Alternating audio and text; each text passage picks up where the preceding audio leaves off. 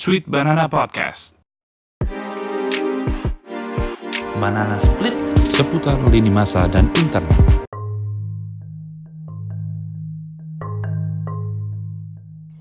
Seandainya ada seorang laki-laki dewasa diperkosa atau dipaksa untuk berhubungan seks oleh seorang perempuan, um, kira-kira hukuman apa yang dapat dikenakan kepada perempuan atau si pemerkosa itu ya? Ternyata belum ada loh aturan yang menghukum pemerkosa perempuan. Dengerin sampai habis episode kali ini supaya kalian tahu kenapa sih di Undang-Undang Pidana Indonesia definisi pemerkosa selalu merujuk kepada laki-laki, tidak bisa ke perempuan. Jadi, tidak ada yang namanya pemerkosa perempuan berdasarkan Undang-Undang Pidana Indonesia. Episode kali ini juga akan ngebahas diskriminasi-diskriminasi serta kekosongan-kekosongan aturan dalam UU Pidana Indonesia terkait kekerasan seksual. Di akhir podcast, kalian mungkin jadi akan lebih mengerti apa sih pentingnya rancangan undang-undang penghapusan kekerasan seksual yang akhir-akhir ini getol dikampanyekan dan disuarakan oleh para pejuang kesetaraan gender di Indonesia. Jadi, Dengerin sampai habis ya episode kali ini.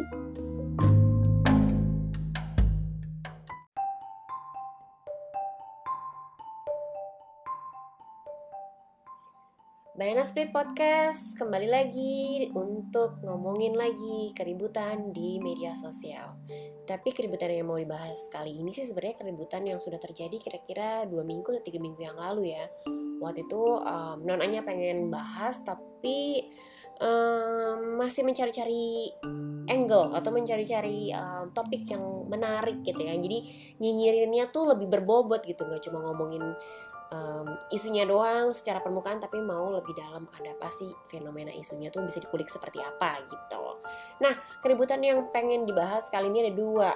Tapi um, meskipun berbeda tapi kayak punya relasi yang sama yaitu Isu soal Gilang Bungkus, kalian pasti tahu lah ya Gilang Bungkus dan soal pemerkosaan Ami di Bintaro. Soal Gilang Bungkus, mungkin kalau ada yang dengar ini tapi mungkin um, apa ya masih tidak familiar apa sih ini Gilang Bungkus.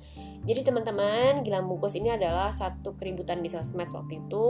Oh, sorry sorry, ini adalah satu kasus yang cukup serius um, yang akhirnya melibatkan polisi. Tapi awalnya kasus Gilang Bungkus ini terkuak setelah ada satu thread atau satu utas di Twitter um, dari seorang laki-laki yang mengaku dilecehkan secara seksual oleh seseorang bernama Gilang.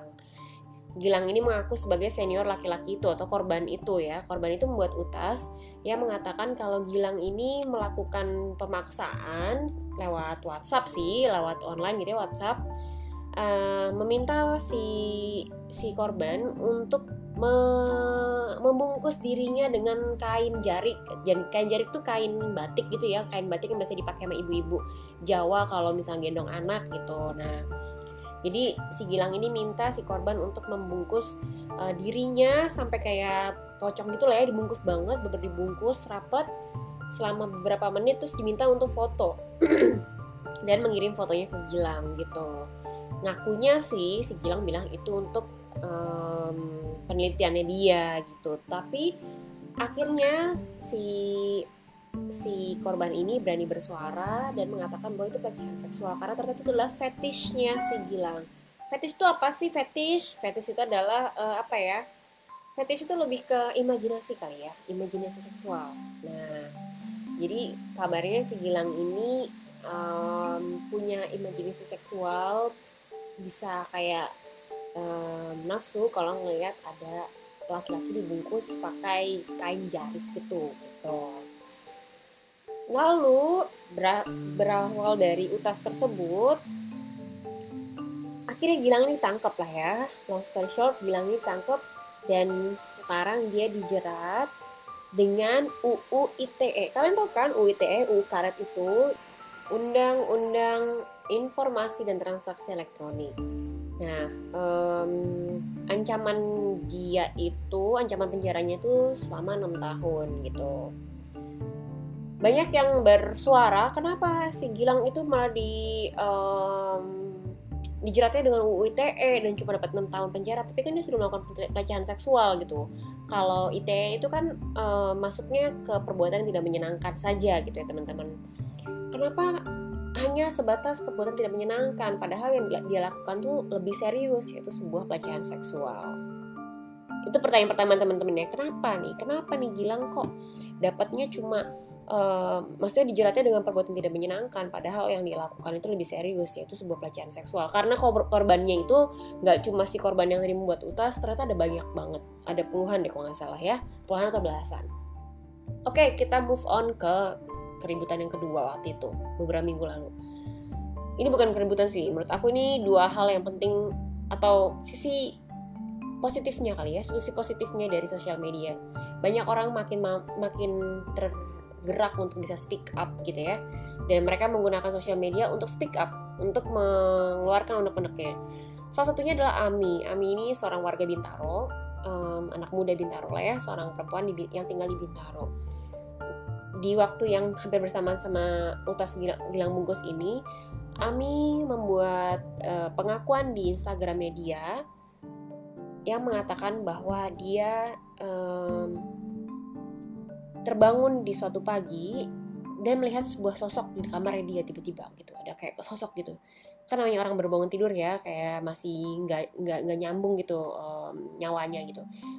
Dia ngeliat sosok itu terus dia kayak ngejar sosoknya itu terus sampai ke satu lemari kalau nggak salah satu lemari. Dan tiba-tiba sosoknya ini adalah ternyata seorang laki-laki asing yang nggak tahu tiba-tiba masuk ke dalam kamarnya dia. Dan si laki-laki ini mukul dia sampai dia berdarah. Terus um, si Aminya bilang jangan bunuh saya jangan bunuh saya. Terus laki-laki ini si korban si tersangka sekarang udah jadi tersangka yaitu namanya adalah namanya adalah siapa nih? Raffi. Raffi. Tapi kayaknya ada nama ada nama panggilannya deh. Gondes ya. Gondrong Deso. Kalau di Jogja nama Gondes itu Gondrong Deso. Tapi ini namanya Raffi panggilan Gondes. Jadi um, di situ Ami melihatlah si Gondes ini. Dia nggak tahu tuh dia siapa. Si Gondes ini dia nggak tahu awalnya siapa. Cuman Ami dipukul minta jangan bunuh Ami. Lalu Gondes akhirnya malah memperkosa Ami di rumahnya Ami setelah diperkosa dia pergi. Dia dia kabur. Si Gondes ini kabur. Ami terus minta bantuan ke tetangga. Karena saat itu rumahnya dia kosong. Dia minta bantuan ke tetangga. Um, terus dia melaporkan kasus pemerkosaannya dia ini ke polisi. Tapi ternyata tidak bisa dia melakukan itu lewat jalur hukum. Maksudnya dia tidak bisa mengambil langkah hukum. Karena menurut polisi bukti yang diberikan Ami kepada polisi itu belum kuat. Padahal teman-teman yang diberikan AMI itu menurut AMI ya dia sudah sempat visum, jadi ada dari kepo dari dari dokter lah ya dari keterangan dokter visum. Dia um, punya gambar CCTV-nya si Gondes katanya di area perumahannya dia gitu. Karena kayaknya Gondes itu katanya anak kampung di belakang rumahnya Ami gitu lah kayaknya.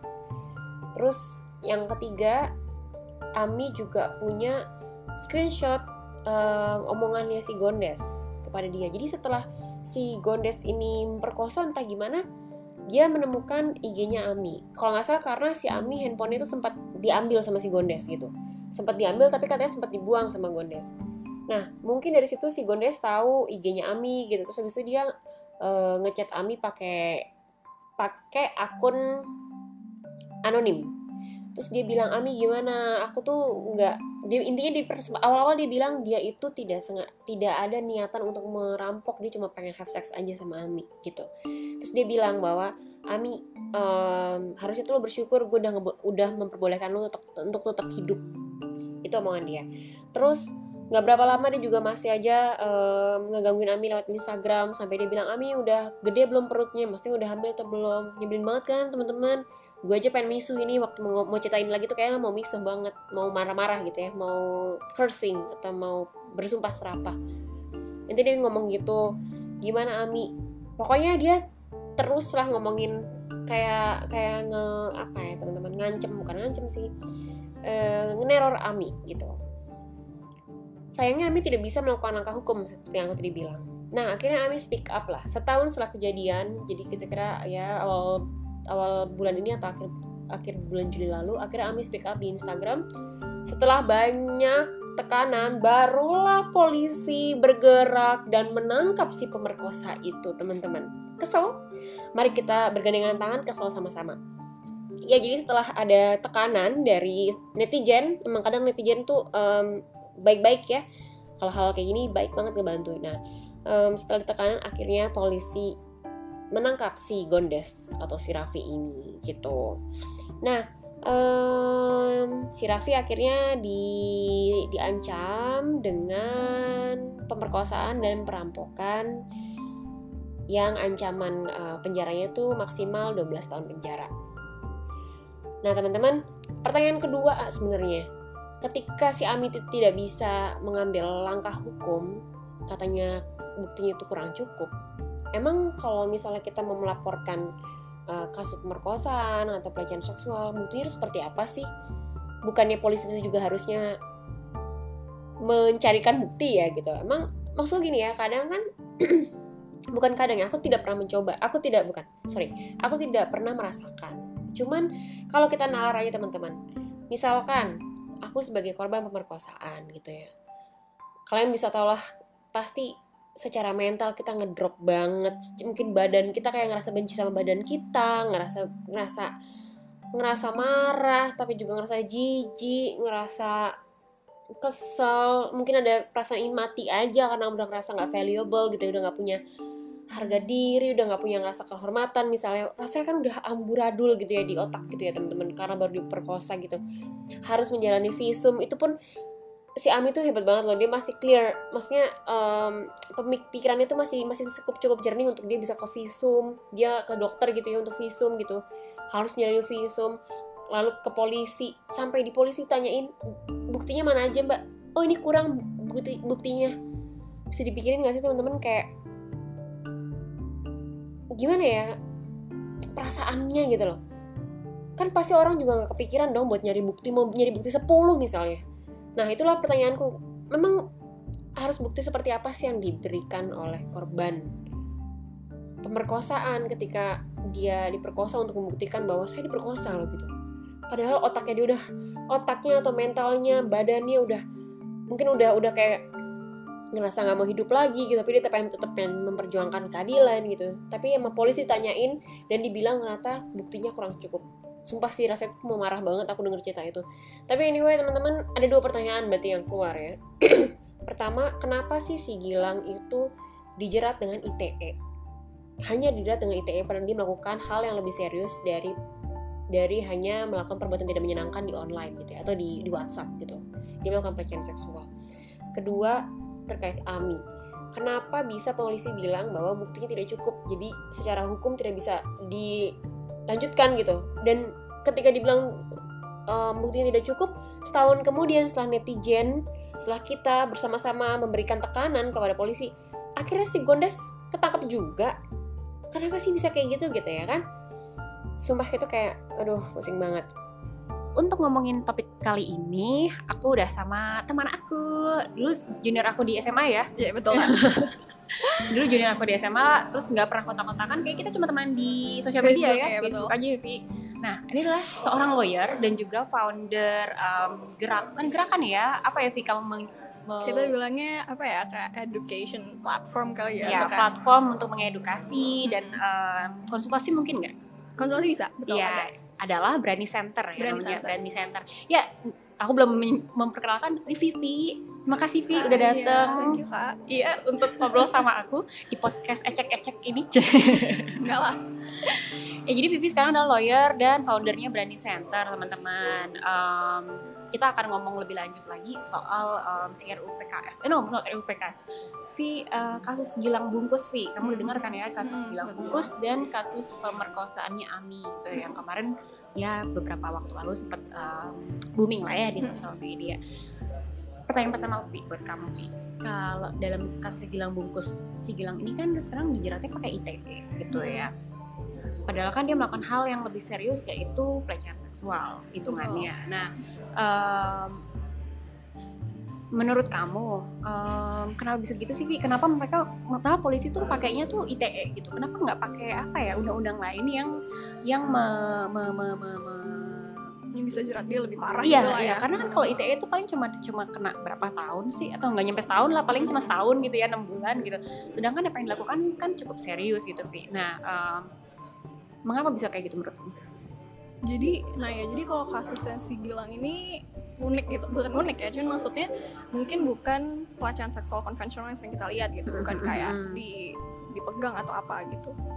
Jadi em, kalau di apa namanya, kalau suatu kasus suatu perkara kita laporan ke polisi dan bisa diusut itu kan kayak emang harus ada unsur-unsur yang unsur-unsur yang dipenuhi gitu kan Kak. Mm-mm. Nah, sedangkan di kasus Gilang ini memang bentuk pelecehannya itu ya gitu dia em, memuaskan diri sendiri dengan memaksa korbannya apa membungkus dirinya membungkus sendiri dirinya, kan? betul nah jadi kalau misalnya kita ngelihat peraturan yang ada Mm-mm. sebenarnya yang dia tuh bisa dijerat pakai pasal yang ada di KUHP tentang percabulan pencabulan Mm-mm. sebentar aku sekalian baca gak apa. Vivi ini sudah menyiapkan uh, laptop di depannya dia biar dia nggak salah teman-teman. Kita tuh against misinformasi, jadi harus di- sampai di Google dulu ya, Vi. Kan di Google lagi di riset sama Vivi. jadi dia sih bisa pakai pasal pencabulan Em, cuman sama polisi jadi gini coba nih aku baca dulu ya pasal 292 ini dibilang orang dewasa yang melakukan perbuatan cabul dengan orang lain sesama kelamin yang diketahuinya sepatutnya harus diduga, diduga belum dewasa diancam pidana paling paling lama lima tahun Mm-mm. tapi kan itu nggak masuk kasusnya Gilang gitu kan Betul, karena kan korbannya semua udah di atas, maksudnya Di atas. uh, adults. ya. Adults betul Uh, betul. Nah, nah aku nggak tahu kenapa yang aku baca dari berita polisi tuh bilang oh kita nggak bisa jerat dia pakai pasal 292 gitu. Padahal ya pasal untuk ngejerat si Gilang tuh nggak cuma 292 gitu. Ada ada ada pasal lain juga. Ini di mana ya? Ini. Dia lawyer teman-teman ingat ya, jadi dia tahu pasal mana yang bisa digunakan untuk menyerang orang lah ya. Jadi ada juga sih pasal lain nih. Barang siapa eh, eh, em, Aduh, ya dulu aja apa-apa, nggak bisa nemuin sekarang, tapi hmm, ada gitu di di di nanti kalau sambil lihat nanti kalau ketemu sebenarnya ada juga pasal lain yang bisa ngejerat si Gilang ini nggak cuma sebatas si UITE Oke. gitu cuman nggak tahu kenapa si polisi Pasal apa itu Vi? Yang mungkin mungkin kamu nggak tahu secara detail sekarang pasal berapanya, tapi yang terli uh, secara garis besarnya pasal apa yang bisa dijerat ke si Gilang itu sebenarnya? Maksudnya uh, apa yang dikatakan pasal itu gitu? Nih nih, oke. Hmm. Pasal 289 KUHP barang siapa dengan kekerasan atau ancaman kekerasan memaksa seseorang untuk melakukan atau membiarkan dilakukan perbuatan cabul diancam karena melakukan perbuatan yang menyerang kehormatan kesusilaan Hmm. dengan pidana penjara paling lama 9 tahun. Oke. Kalau kita dengar bunyi pasalnya sebenarnya kan sudah sudah masuk banget ya? Iya, karena makanya. menyerang kehormatan tadi ya Hmm, kan? Betul, betul. Makanya kayak sebenarnya polisi kalau memang mereka beneran peduli nih sama kasusnya Gilang, Polisi, hmm, ya. mohon maaf nih kalau yang dengar polisi eh, bisa bisa pakai pasal yang lain gitu untuk Oke. Jerat si Gilang ini cuman nggak tahu apa mereka mainnya netral gitu takutnya nanti diserang sama em, beberapa orang yang ngerasa kayak nggak dong ini nggak nggak separah itu ini harusnya nggak masuk pasal 289 nih pakai Karena memang tadi ancamannya cukup gede ya, maksudnya 6 Hmm. tahun gitu ya. 9 tahun Oh 9 tahun ya malah, itu lebih gede lagi. Oke. Kadang orang ngerasa dia kan ngelakuin apa-apa ya gitu. Ini sih yang menjadi problem menurut aku di masyarakat kita. Kadang kita ngerasa bahwa oh dia cuma bercanda, dia cuma melakukan hal yang baik-baik aja gitu. Tapi sebenarnya itu adalah suatu perbuatan pelecehan seksual. Itu ada per- perbuatan eh, apa namanya? Hmm, apalagi terus pelecehan seksual terus apa ya? Apa ya, Vi? Hmm, eh, Iya. molestation juga Iya, kadang iya, pegang-pegang pegang-pegang barang badan orang gitu kan ya Hmm, jadi inget nih beberapa saat lalu ya Brandi Center tuh sempat nge-share soal pelecehan seksual di tempat kerja ya Vi betul Em, terkadang ada aku sering dengar cerita ya ada gitu temen- bukan sering sih. Ini contohnya aja. Contohnya satu teman aku dia kerja di sebuah bank terkenal BUMN dan dia punya bos yang suka kayak ngomentarin dia ih kamu pakai lipstick merah. Bosnya bosnya laki-laki ya temenku cewek. Memang badannya tuh bongsor gitu dan pakai baju yang fit tapi nggak yang ngepres gitu loh Vi memang buat fit aja kan biar nggak gombrong gitu ya. Jadi pakai lipstick merah terus kayak wah pakai lipstick merah seksi banget gitu. Terus kayak wah wah kamu tuh jadi bikin aku pengen gitu gitu dengan alasan itu bercanda. Ya itu mengingatkan aku sama bercanda-bercandaan aku yang aku terima waktu aku SMA kuliah. Aku tuh sering waktu kuliah tuh dibercandain teman aku gitu ya kayak eh, bukan sering sih ada satu masa di mana aku tuh kayak sering dapat bercandaan bahwa oh eh, ini nih agak vulgar ya tapi seperti ini yang aku dapet tete kamu gede banget ya bikin nafsu gitu gitu atau enggak eh pantat kamu tuh gede banget pasti kalau lagi ER langsung broad broad gitu to be honest Wow. I felt really insecure ashamed terus kayak apa ya kayak ngerasa yang ngerasa sedih aja Vi Betul. dan ngerasa kesel cuman Iya. kayak saat itu aku ngerasa bahwa um, itu tuh nggak valid gitu perasaan aku tuh kayaknya aku salah orang mereka coba bercanda kenapa aku ngerasa sedih? Nah tapi maksud aku aku baru menyadari sekarang bahwa masyarakat kita tuh sangat menormalkan perbuatan-perbuatan seperti itu ya Vi benar benar benar. Sebenarnya kayak gitu tuh bisa dijerat nggak sih Vi sama undang-undang kita atau enggak jadi kalau em, kalau pelecehan seksual yang misalnya sampai ada bentuk fisiknya gitu ya misalnya entah dipegang itu mungkin bisa kena. Tadi yang pasal 289 perbuatan cabul cuman yang sulit mungkin yang itu yang kayak verbal yang mereka cuman ngomongin kayak oh em, kayak badan kamu bagus bukan badan kamu bagus ya misalnya kayak badan kamu ini nih bisa jadi pengen gitu. ah, ah, dan itu bisa terjadi tiap hari kadang kan di tempat kerja ya. Maksudku kita kan tidak bisa menghindari itu karena kita Betul. kerja gitu kan misalnya. Kalau kayak gitu itu makanya sebenarnya sulit gitu. Paling sulit itu adalah kekerasan seksual di tempat kerja. Karena aku juga pernah bahas ini dengan salah satu jadi kita ada dua pendiri um, Berani Center. Brand Center Mhm. kita bahas ini dengan co-founder eh, dengan co-founder aku aku bahas gini. Itu sulit gitu kekerasan seksual di tempat kerja kan satu sisi kita nyari makan di tempat itu di tempat itu. kita nggak gitu. bisa bolos gitu ya kalau kuliah mungkin kita stres sama eh, keadaan ya udah bolos karena kita nggak ngerasa punya tanggung jawab membayar tapi kan kalau misalnya kerja kita butuh duitnya ya kita harus datang betul gitu dan em, ya, eh, kalau kemarin yang kita share di Berani Santar salah satu solusi yang kita bisa rekomendasi adalah misalnya ngobrol dengan HR gitu. Atau ya setidaknya biar ada tindak lanjut lah dari HR untuk menangani em, apa? Kejadian menangani itu. kejadian tersebut. Ya atau mungkin kalau emang belum ada policy-nya Mm-mm. kita bisa ngomong sama HR hey gitu kayak I think this is an important issue. Yuk bikin dong policy Ah. guidelines on do's and don'ts gitu in a, in a workplace jadi Mm-mm. semua orang tahu batasannya karena ada temen aku yang nanya juga gitu kalau misalnya gue emang niatnya muji gimana dong Iya, gitu iya, kan iya. karena akhirnya line-nya tuh blurred gitu kayak Betul. oh niatnya compliment atau niatnya emang harassment gitu itu kan susah untuk Mm-mm. dimengerti Mm-mm. sama si yang dengerin kan Mm-mm. makanya kayak do's and don'ts itu I think it's important jadi kayak buat orang juga mikir-mikir gitu sebelum mereka ngasih Mm-mm. quote unquote lelucon kayak oh jangan deh lelucon gue ini kayaknya bisa Eh, melanggar em, aturan di kantor gitu ya hmm, jangan ada di kantor atau kayak mungkin ini tidak menyenangkan untuk orang yang nanti akan dengar gitu Oke, Itu oke. maksud gue adalah jokes gitu Iya ya. Nah, Vi, tapi ya, Vi, jaminan kenyam, ke- jaminan keamanan, feeling secure tadi itu akhirnya yang yang menciptakan kantor, betul bukan negara gitu maksudku ya kan. Pada akhirnya ketika negara itu belum punya atau ya negara belum mem- memberikan jaminan itu dalam hukum, yang harus dat masukkan ke yang tadi kita kalau kasusnya pelecehan seksual di kantor itu akhirnya kantor itu sendiri harus punya Iya. awareness ya soal etika kerja gitu eh, seks em, eh, pemahaman gender gitu-gitu kan Vi. Em, ini mengingatkan aku sama kisah tadi si Ami ya Vi ya. Em, si Ami ini kan kemarin katanya dia udah melaporkan kejadian dia setahun yang lalu. aku nggak tahu sih aku belum mendengar dari dia. Tapi menurut eh, kabar yang beredar di internet dia itu tidak bisa menempuh jalur hukum sebelumnya karena katanya bukti-bukti yang diberikan itu kurang gitu. Em, sebenarnya sebenarnya bagaimana sih kamu ngeliat isu ini gitu?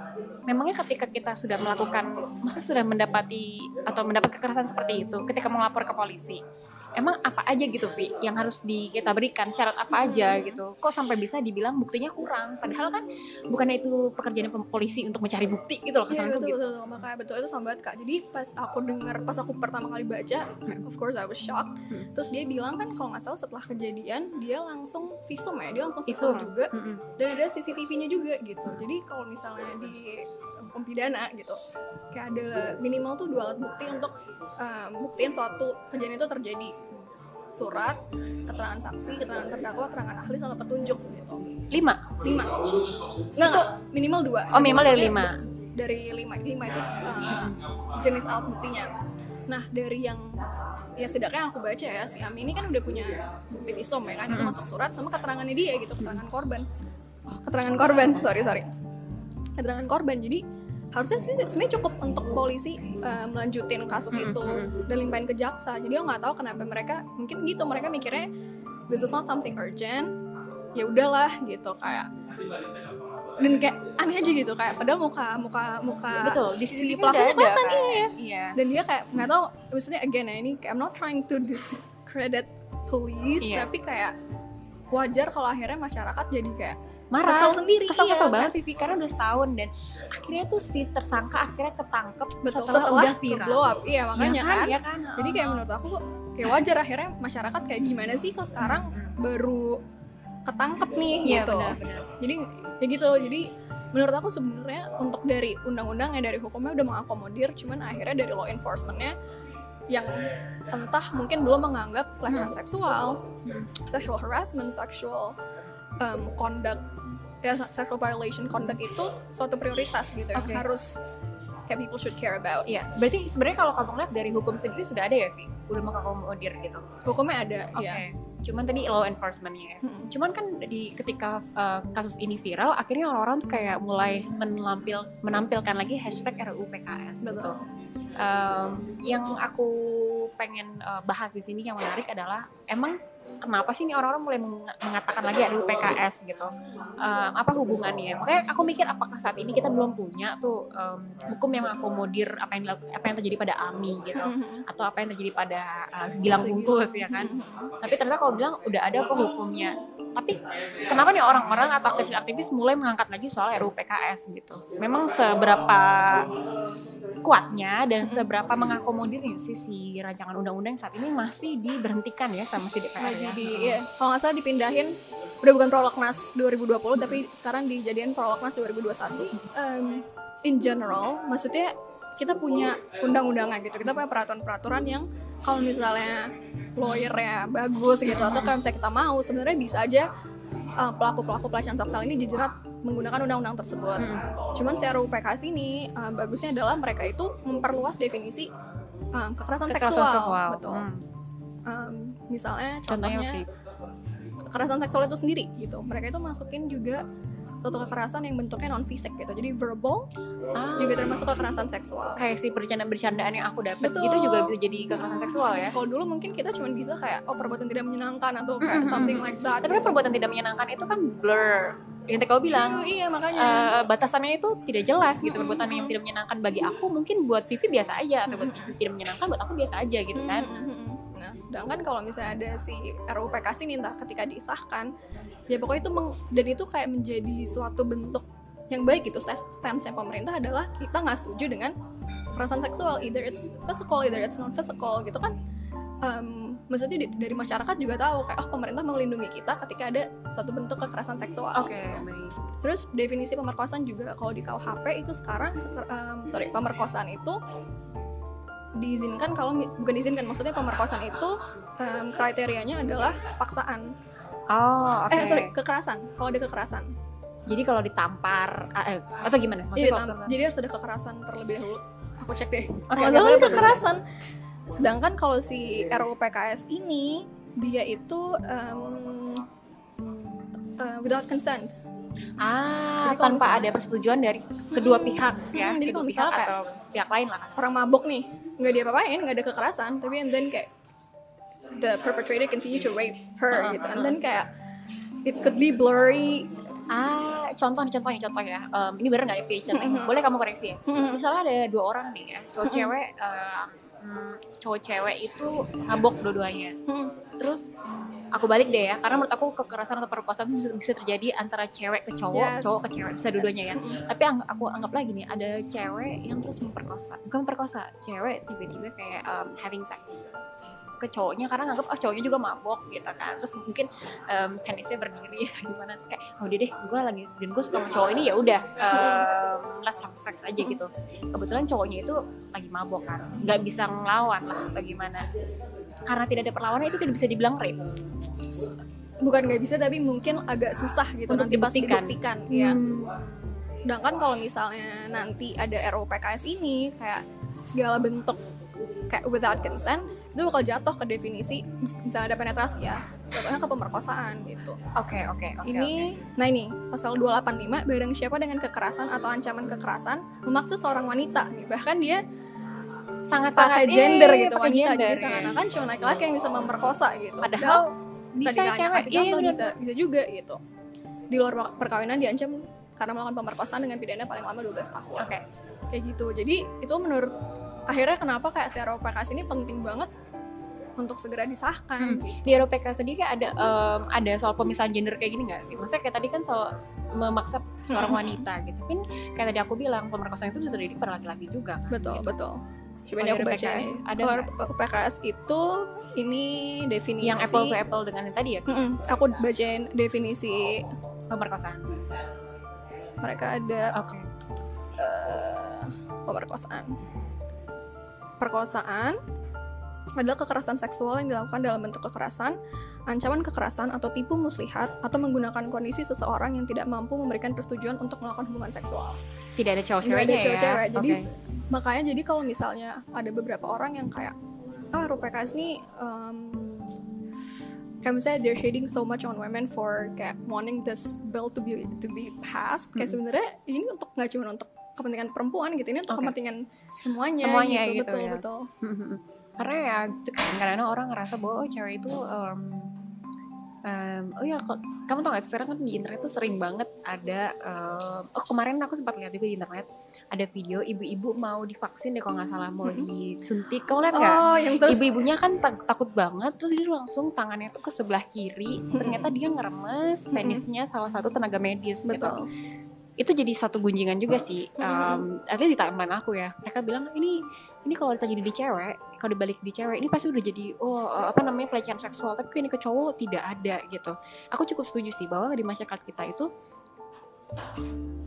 itu apa ya? Itu nilai patriarki kan ya yang dianggap bahwa um, kelemahan atau bukan kelemahan kekerasan seksual itu hanya bisa terjadi pada perempuan. Betul, padahal iya, laki-laki iya. juga bisa terjadi. Bisa kayak tadi tuh benar-benar. menurut aku tuh udah pelecehan banget udah molestation menurut aku ya kan? Nah um, um, pertanyaan berikutnya adalah uh, sejauh mana sih si RUPKS ini bisa menjamin keberpihakan pada korban gitu Vi? jadi um, sebelum jawab pertanyaan kakaknya tadi aku juga setuju gitu. Kalau misalnya laki-laki um, dilakukan pelecehan nih sama kayak tadi contohnya si ibu ini um, apa namanya kayak grab. Ya grab grab his his, penis, uh, ya. his kan? penis kan. Terus misalnya nih si uh, contohnya si cowoknya ini bilang kayak you know I don't like that gitu budaya kita juga di- banyak di masyarakat kita yang kayak ih bukannya seneng loh gitu. Maksudnya kita bahkan bener bener bener bener Iya kan, banget, justru kita iya. kayak gimana sih lo kok gitu malah nggak suka ya Iya, kan, iya. Uh, toxic masculinity gitu, Mm, seakan bener kan bener bener bener. cowok tuh harus Uh, harus oke dengan dengan percayaan seperti itu dengan uh, perbuatan seperti itu ya Vi bener bener bener bener. Dan ada yang kayak misalkan uh, orang yang langsung ngerasa bahwa bercandaan-bercandaan kotor asalnya bercandaan-bercandaan yang berhubungan seksual itu tuh tipe bercandanya cowok banget. Betul. padahal ada cowok-cowok yang tidak nyaman dengan bercandaan seperti itu. Uh, aku to be ini jadi curcol Belko aku cukup grateful punya suami yang kayak gitu karena suamiku nggak suka dengan bercandaan seperti itu. Menurut dia tuh norak.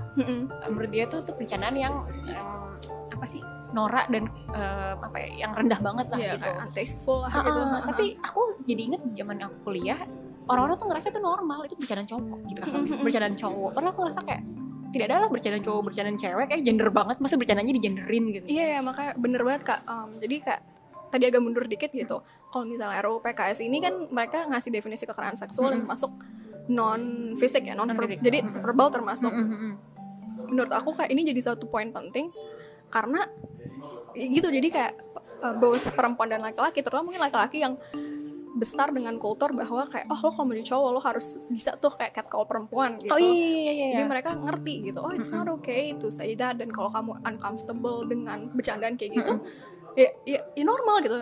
Then you're good gitu. You're Iya, iya, not benar. you're not wrong for not liking yeah, that. you're gitu. not you're not um, then you're still man ya You're still man betul, Iya. betul, betul, betul. betul. You're kayak maksudnya ya you're still you're still a man. Kayak you're not not man enough Mm-mm. if you don't do that stuff Mhm, gitu. mhm, mhm. Nah, em, Vi tadi balik ke pertanyaan ya. Mhm. Saat ini tuh sistem hukumnya Indonesia itu seberapa berpihak sih pada korban kekerasan seksual baik perempuan dan laki-laki? Karena setelah Mhm. kita ngobrol Mhm. ngobrol nih yang nggak masuk di sorry sorry agak bisik sedikit apa lah ya yang nggak masuk di pertanyaan yang aku udah siapkan adalah ternyata kita habis itu come up dengan eh, satu em, wacana bahwa ternyata kekerasan seksual yang diakomodir di UU kita saat ini sepertinya masih hanya untuk perempuan aja padahal bisa terjadi laki-laki. Nah, sekarang ini eh, sistem hukum kita tuh seberapa mengakomodir atau seberapa berpihak pada korban kekerasan seksual baik perempuan maupun laki-laki yang existing ya.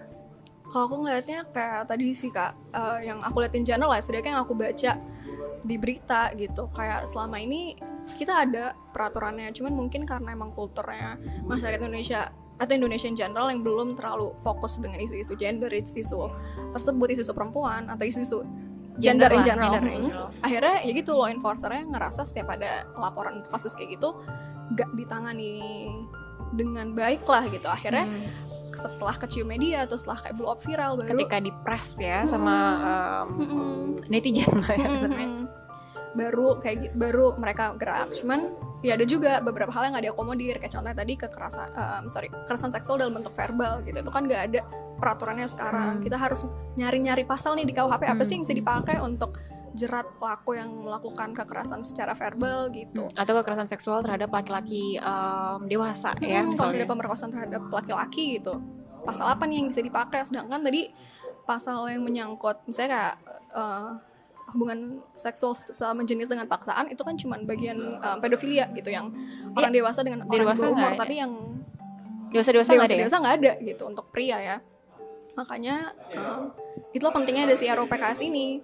Dan tadi menyambungnya pertanyaannya sebelumnya nggak cuman bentuk apa sih em, hukuman gitu ya hukuman terhadap yang dilakukan oleh pelaku tapi juga preventif. Jadi si RUPKS ini juga em, mengatur bahwa eh, apa namanya pentingnya edukasi tentang penghapusan kekerasan seksual ditanamkan ke anak-anak sejak Oh, dini itu hingga ada? tinggi ada nggak kita oh, itu ya? penting itu penting itu penting oh kayaknya setelah mendengar review ini kayak aku makin paham mengapa ini penting sih. Lebih kepada tadi ya mengakomodir segala jenis gender gitu maksudku karena ternyata Indonesia selama ini kayak pat- em, apa sih istilahnya? Aku mau ngomong ke patriarkis banget karena dalam artian patriarkis, patriarkis itu tadi itu dia tidak meng-acknowledge bahwa laki-laki itu bisa disakiti secara seksual gitu. Betul betul. Karena uh, bukan aku I'm not anti- anti-man tapi aku juga tidak uh, yang terus support apa sih aku bukan patriarkal apa sih bahasa Indonesia nya tapi maksudnya kan kayak ternyata um, selama ini isu gender tuh selalu dibawa soal perempuan yang kurang diperhatikan perempuan apa. Tapi kadang aku ngerasa bahwa di masyarakat patriarkis tuh kadang laki-laki itu juga di diskriminasi juga ya. Iya iya betul. In the context of their rights to have a protection sexual protection. Eh apa sih bener gak sih itu sexual protection ya kan? Karena kayak dianggapnya tuh laki-laki tuh pasti paling gagah paling paling apa sih paling keren paling kalau keren, udah bisa sex gitu. Uh-uh, padahal siapa tahu dia bisa di rape kan, Mm-mm, kan? betul betul. Sorry tadi soal edukasi. Edukasi. iya. Ini di pasal 6 RUPKS ya. Jadi ditulis bentuk pencegahan. Pencegahan ini pencegahan kekerasan seksual meliputi bagian A memasukkan materi penghapusan kekerasan seksual sebagai bahan ajar dalam kurikulum, non kurikulum dan atau ekstrakurikuler pendidikan usia dini sampai perguruan tinggi.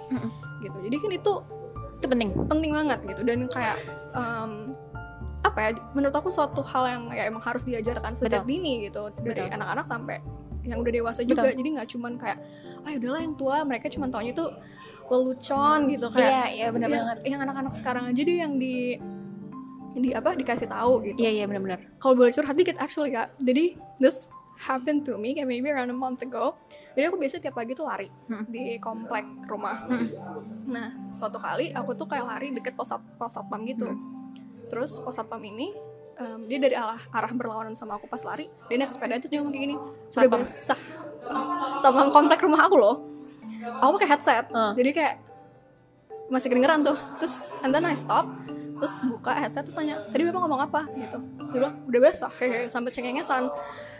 Marah dong. Iya. langsung kayak apa itu nggak sopan ya bapak ngomong kayak gitu bla bla bla. Terus dia kayak nggak mbak maksudnya udah keringetan gitu kayak iya mbak pak tetap nggak sopan. Tapi dia nggak minta maaf dia tetap kayak cengengesan gitu terus aku bilang kayak ehm, pak kalau saya bilang nggak sopan harus bapak minta maaf gitu terus dia kayak iya iya iya saya tanya kan kayak bapak namanya siapa terus dia bilang pak X lah gitu Mm-mm. salam ya buat mamahnya berani banget kan iya iya benar-benar So banget then I ran back home. Aku kasih tahu ke mama, bap- eh, mama papa aku. Responnya mereka adalah, ya memang dia benar harusnya ngomong kayak gitu. Kaget nggak? Kaget Oh doang ya kan? Iya, Kayak- iya. Itu maksudnya itu bentuk catcall lah, maksudnya bentuk pelecehan. Aku nggak kebayang korban-korban lain yang mungkin udah dilecehin lebih parah benar sama pelaku dan, Dan- orang terdekat mereka bahkan kayak biasa aja. dia saja dan menganggap itu bukan pelecehan itu gitu. tadi yang kita bilang karena masyarakat kita tuh menormalisasi bercandaan yang seksual kayak gitu. Mm-mm. karena nggak pernah oh, kamu nggak diapa-apain kan? Kamu nggak dipegang kan? Kamu nggak eh, tete kamu nggak dipegang-pegang kan? Mata Mm-mm. kamu nggak diapa-apain kan? Ya udah itu bukan cuma bercandaan, Ah, itu iya. bercandaan. Oke oke. Mm-mm. ya ya ya bener banget sih. Terus um, yang menarik adalah yang keluar dari um, papa aku bilang gini kayak ya udahlah. Dia pendidikannya juga mungkin nggak se kayak kamu lulusan Amerika oke kayak you're progressive whatever gitu. Dia pendidikannya cuma segitu-segitu aja yang bisa kamu lakukan adalah edukasi orang-orang yang dini gitu. And I told him enggak dong. Karena aku tahu ini nggak benar ya aku edukasi dia. Kayak hey. Tanyain. Iya, ya, kayak- eh, confront. konfront dulu. Iya. bahkan aku yakin dia kaget gitu. Karena Mm-mm. mungkin biasanya oh, nggak ada yang berani konfront bener gue bener nih bener gitu. bener, bener. Karena yang aku baca kayak sexual uh, no catcall is actually not about the sexual thing it's about power gitu. Kayak hahaha gue panggil lo lo nggak bisa ngelakuin apa-apa yes, gitu yes, kan. yes, yes, bener banget. Aku bilang kayak enggak dong kalau misalnya cuek gitu aja dia nggak akan pernah tahu kalau apa yang dia kasih tau yang dia lakukan itu salah. Betul. karena selama ini mereka menyad- meyakini bahwa itu baik-baik aja. Kayak tadi ya Mm-mm. teman-teman aku waktu mereka bercanda soal seksual karena mereka ngerasa bahwa bercandaan gitu. Mereka tidak tahu bahwa itu bentuk pelecehan kan? Mm-mm. Kalau aja mereka tahu mereka nggak akan lakuin itu dan Mm-mm. apalagi kalau misalnya itu diakomodir di undang-undang negara ada hukumannya mereka juga nggak akan mau ngelakuin gitu kan Betul, Ya betul. kan? Bener banget, Mm-mm. kan? aku setuju banget sebenarnya ini unpopular opinion menurut aku em, aku nggak aku yakin eh, pasal tentang edukasi kekerasan seksual atau iya tadi ya edukasi kekerasan seksual di di tingkat em, sekolah itu pasti akan kontroversial. Karena bagi orang tua yang konservatif anggapannya itu mengajarkan hubungan seks gitu. Padahal itu mengajarkan bagaimana kita uh, uh, be respectful towards other gitu kan. Uh, sexually secara seksual gitu. Unpopular po- opinion mungkin. Aku tuh ngerasa bahwa ini tuh penting banget edukasi seperti ini. Aku ingat waktu masih aku SMP aku sering dapet SMA juga mungkin di tempat kita sekolah. Ya iya, iya. Kita dapat edukasi soal uh, narkoba. Mm-mm. ingat gak sih Vi kayak mereka bawa jenis uh, narkoba tuh kayak gini nanti efeknya ke seperti ini seperti ini seperti ini gitu kan. Menurut aku nowadays people know um, drugs is bad gitu. Drugs are bad gitu kan. Maksudnya itu udah udah satu satu notion atau um, kesepakatan bersama dan udah solid banget bahwa narkoba itu big no gitu kan. Tapi saat ini menurut aku kayak tadi um, sexual molestation, sexual um, harassment itu tuh masih kayak masih punya blurry lines karena orang-orang tuh masih belum paham menurut aku dan saatnya lah sekarang uh, anak-anak SMP, SMA itu mulai diberikan um, seminar seperti itu. Jadi nggak cuma soal narkoba, mungkin kayak aku nggak tahu sekarang masih nggak ya narkoba itu kayak narkoba is so out of date gitu loh menurut aku karena ini unpopular opinion. Tapi menurut aku uh, pemahaman soal uh, narkoba itu bad itu tuh Mhm. udah kayaknya semua orang tuh udah paham gitu ya. Tapi bentuk kekerasan-kekerasan seksual kayaknya setiap orang masih bingung deh. Sebenarnya apa sih Mhm. batasan kamu bisa bilang itu kekerasan seksual itu pelecehan itu masih kayak bingung gitu. Apa anak SMP SMA. Mereka tuh yang mereka tahu misalnya ya eh, eh, ngechat temen pap tete PAP tete GT dan itu kayak hal yang biasa aja Betul, gitu. tapi kalau mereka belajar itu pelecehan seksual kan yang terjadi di online gitu. Jadi menurut aku siapa tahu yang denger nih eh, guru-guru mungkin kayaknya harus mulai ngerti bahwa eh, seminar-seminar yang diberikan ke anak-anak SMP SMA khususnya remaja-remaja kayaknya narkoba penting menurut aku narkoba juga penting. Tapi menurut aku tentang kekerasan seksual apa sih istilahnya ya gen bukan gender ya Vi? Itu istilahnya apa ya kayak gitu ya? Hmm, bener sih kak pengenalan seksual gitu Iya, iya, is apa materi tentang edukasi kekerasan. materi tentang eh, kekerasan seksual tentang eh, pencegahan kekerasan seksual di sekolah itu penting banget.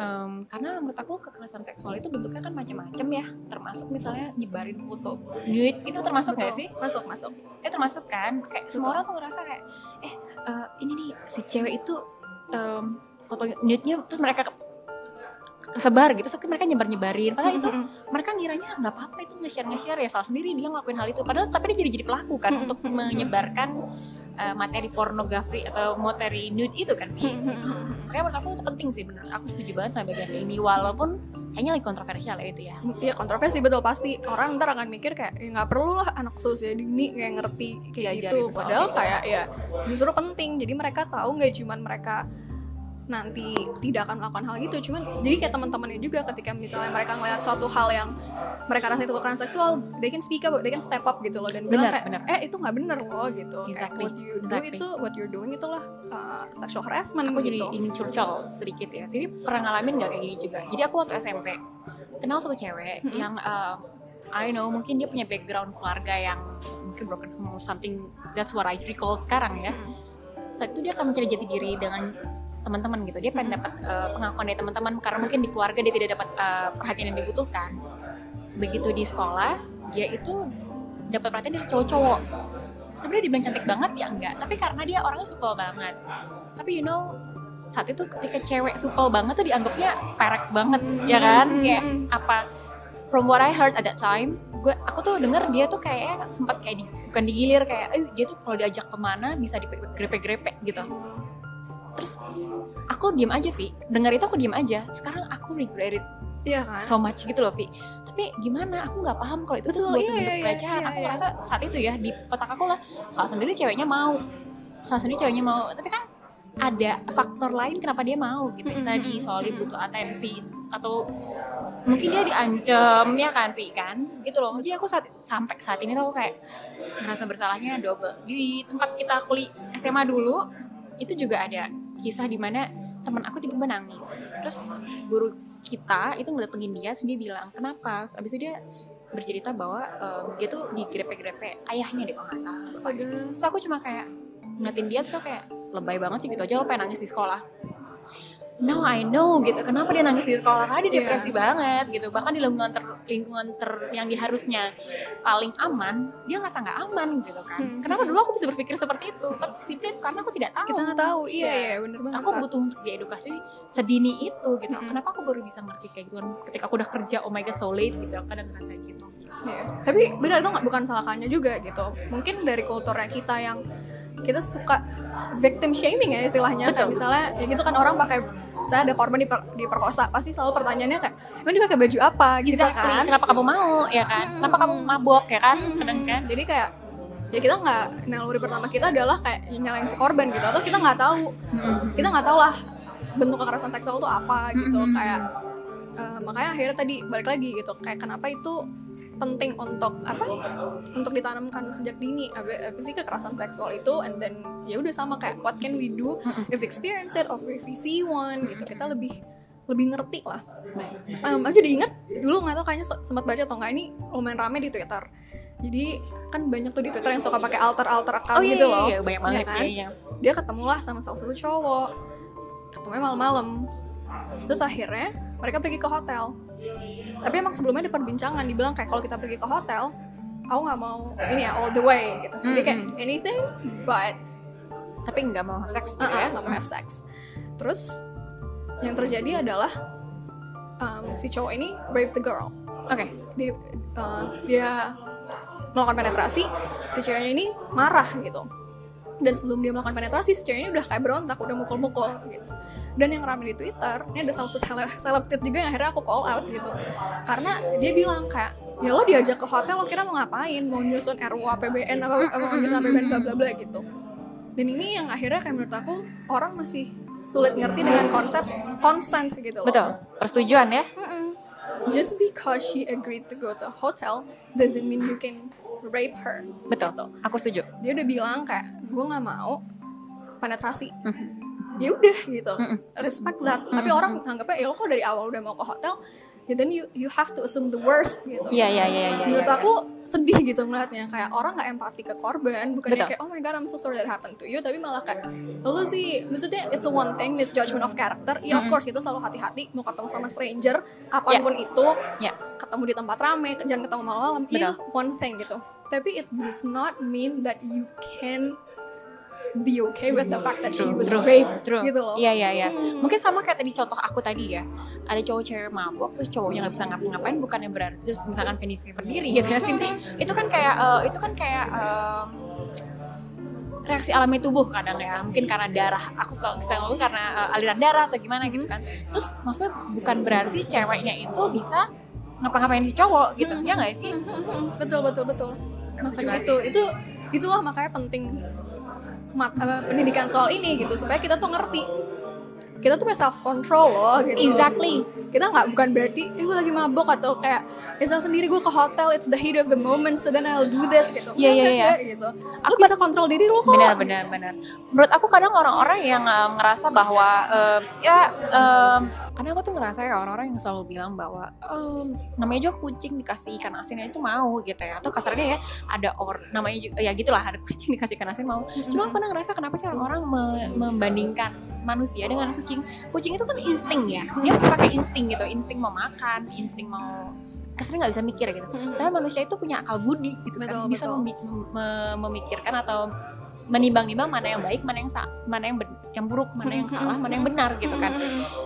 Itu tuh bener kayak manusia tuh seolah nggak kayak kayak binatang banget gitu loh. Itu kayak meremehkan banget kemampuan manusia untuk uh, me- me- apa sih mengambil hal yang baik dan buruk gitu loh iya iya iya Iya maksudnya kayak kenapa sih lo merendahkan diri lo serendah itu seperti binatang gitu. Jadi eh, orang-orang yang masih berpikir bahwa eh, laki-laki itu seperti kucing, kalian kalian itu merendahkan laki-laki itu sendiri, tau gak iya sih? bener, ya kan? bener, bener banget Iya. kan dan um, mungkin satu hal yang menurut aku penting untuk di raise juga kayak dari tadi kan kita um, bahas nih kak soal kayak oh penting nih maksudnya kita penting untuk tahu soal pen- um, tentang kekerasan seksual itu apa gitu pokoknya kita sebagai pribadi belajar lah gitu jadi maksud aku kayak bukan berarti sekarang yang masih merasa ini tuh nggak penting bukan berarti mereka nggak bisa berpikir seperti yang kita maksudnya ini menurut aku kenapa pentingnya pendidikan gitu karena sebelumnya ya sebelum aku belajar soal ini juga aku nggak ngerti apa apa gitu Kayak Exactly.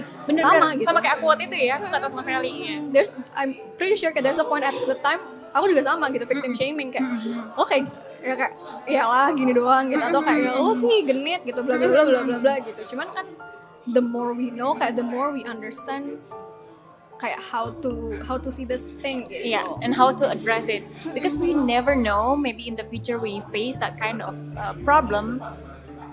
Maybe happen to us. Knock knock knock knock, the Knock, woods knock. ya.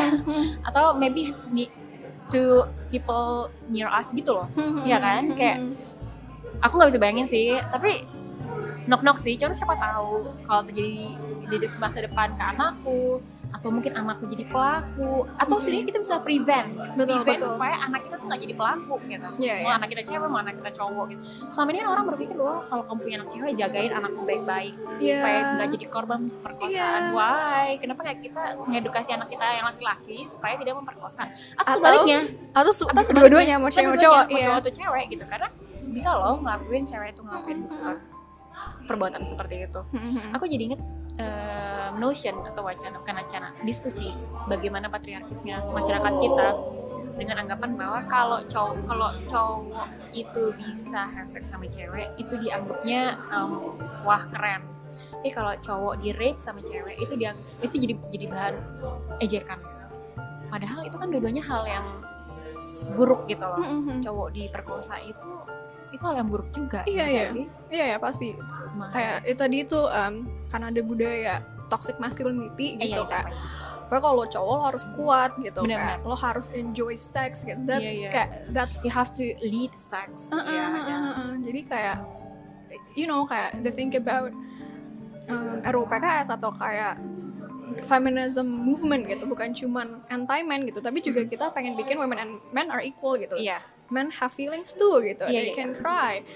They shouldn't feel compelled to apa ya to catcall people Iya, gitu iya, iya. ya jadi itu sih menurut aku um, kenapa akhirnya pendidikan tentang kekerasan seksual ini penting. Iya Ta- artinya Vi dengan existing law law sekarang kalau ada laki-laki yang diperkosa mereka cuma bisa diem nangis Mungkin, suck it up mungkin ya mungkin masuknya ke perbuatan cabul tadi ya karena seingat aku tadi perbuatan cabul tuh nggak ada jenis kelaminnya nggak ada gender Ah. nggak gender based Oke. which is not fair gitu kalau nggak salah iya, tadi iya.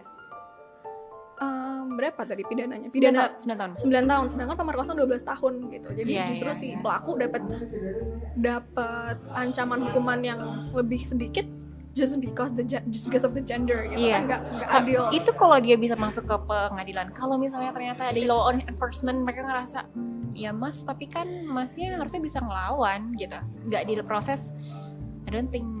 Ya. kadang kan orang gini loh kadang orang ketika dia merasa atau mereka mendapatkan kekerasan seksual mereka kan berkayak vulnerable banget gak bisa mikir straight gitu ya gak bisa mikir logis dan mereka logical dan ketika mereka ngelapor itu kan mereka dengan ya dengan kondisi vulnerable nggak bisa di, betul dan betul aku pernah aku pernah bikin berita terkadang ada kita nggak bisa bilang oknum polisi karena banyak Hmm. terjadi ya karena polisi-polisi yang ya itu apa nggak empatetik gitu loh Vi dan akhirnya banyak melontarkan pertanyaan-pertanyaan yang bikin korbannya mundur karena mereka takut karena mereka ngerasa malah mereka yang salah gitu Hmm, hmm, hmm.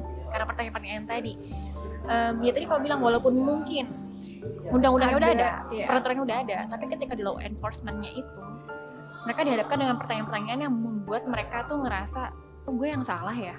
Oh gue nggak nggak di gue nggak mungkin bisa dapat eh, keadilan yang gue pengenin ya? Hmm, akhirnya hmm, mereka hmm. mundur dan ya udah they suck it up gitu. Mereka memilih untuk tidak melanjutkan gitu kan anyway oh gimana? Ini sorry nah tadi menyambung yang kakaknya bilang nah ini di RUPKS juga ada nih di pasal 8 kalau bentuk pencegahan itu juga memasukkan materi penghapusan kekerasan seksual dalam kurikulum pendidikan dan pelatihan bagi pejabat dan aparatur penegak hukum yang dikelola oleh negara. Astaga, penting banget itu penting banget karena kita udah sering ya teman-teman mendengar uh, berita-berita bagaimana pejabat negara memperlakukan mungkin asistennya. Kemarin tuh bahkan ada kasat eh, Kapolres mana gitu akhirnya dicopot karena melakukan um, pelecehan seksual ke ke polwan sampai polwannya katanya nangis dan ternyata tuh nggak cuma ke satu orang ini dan banyak banget. Wah. Ya itu maksudnya di tingkat pejabatnya kayak gitu kan. Kemarin kasus apa ya kayak yang ada juga yang dia dilecehin, kalau nggak salah dia ngerekam, terus dia nyebarin suara rekaman itu, terus malah dia yang kena.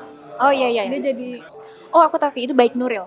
Hmm, Baik hmm, Nuril kan hmm, kalau nggak hmm, salah hmm, dia hmm, dilecehin sama atasannya. hmm, terus dia akhirnya nge-share di Facebook atau gimana Iya. untuk meminta ka- keadilan kan kalau nggak Iya. salah akhirnya terus dia yang dipenjara sampai dia banding ke MK atau eh MA. MA ya MA dia juga tetap hmm. eh, dia akhirnya enggak. dibebasin Ada dibebasin, oke, oke. salah dibebasin dia makanya sampai dia sujud syukur kalau nggak salah tapi itu untuk dia bisa dibebasin tuh pakai MA loh prosesnya kan lama kan.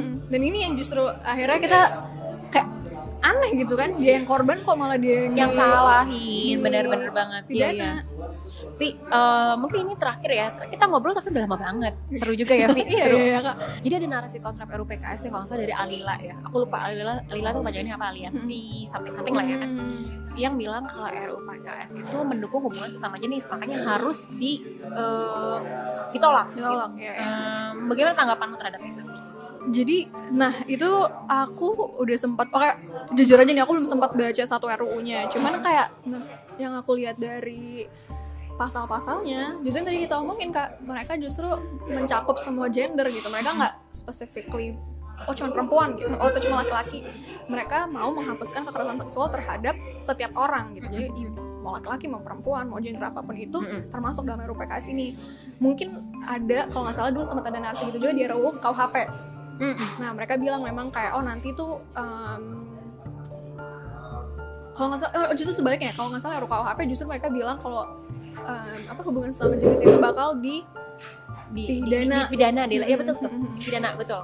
tapi kalau di RUKUHP itu draft terakhir yang aku baca sih mereka nggak mereka nggak nggak nggak nggak mengkriminalisasi itu kalau nggak salah tuh ada ketentuan-ketentuan lebih lanjut sorry jadi bukan cuma untuk sesama jenis tapi pokoknya siapa pun di luar hubungan perkawinan yang melakukan hubungan seksual itu bisa dipidana dengan ketentuan dengan ketentuan-ketentuan tertentu Tentu. Oke. Iya, iya. Oh ya nggak salah Alila itu akhirnya mengajukan jadi sebagai tandingan ya, karena tandingan dari RUU PKS dia mengajuin RUU KUHP ya nggak salah ya. Hmm, ada RUU KUHP juga. Itu salah satu alasan kenapa RUU PKS belum belum jadi prioritas karena mereka bilang kayak biar nggak bertolak belakang ini kan ada RUU KHP yang mungkin akan ada beberapa pasal yang bersinggungan dengan RUU PKS jadi mereka kayak yaudah deh disahin dulu nih RUU KUHP ntar RUU PKS ya udah biar kayak mirroring bukan mirroring ya maksudnya kayak biar konsisten gitu dan mereka nggak bertentangan Oke oke. Nah ada juga kalau nggak salah wacana yang menentang em, bilang bahwa em, soalnya RUU PKS itu mem men-encourage atau memperbolehkan em, seks sebelum nikah. Ya kan ada yang ngomong kayak gitu. Itu gimana tuh pandanganmu terhadap hal itu? menurut aku sih em, gimana ya kayak sebenarnya kan yang mau difokuskan itu kan di penghapusan kekerasan seksual ya kan bukan masalah bukan masalah Dalam konteks ni apa seksnya dalam konteks sudah nikah atau belum gitu kan? Mm-mm. Jadi maksudnya kayak ya gimana ya mikirnya kayak dia udah ngalamin kekerasan seksual nih se- seakan-akan kita memperbolehkan hal tersebut terjadi karena oh, orang ini udah melakukan hubungan seksual di luar nikah ya kayak lo salah tahu sendiri makanya lo menerima kekerasan tersebut kan gak kayak gitu betul, gitu. betul betul betul betul Mhm.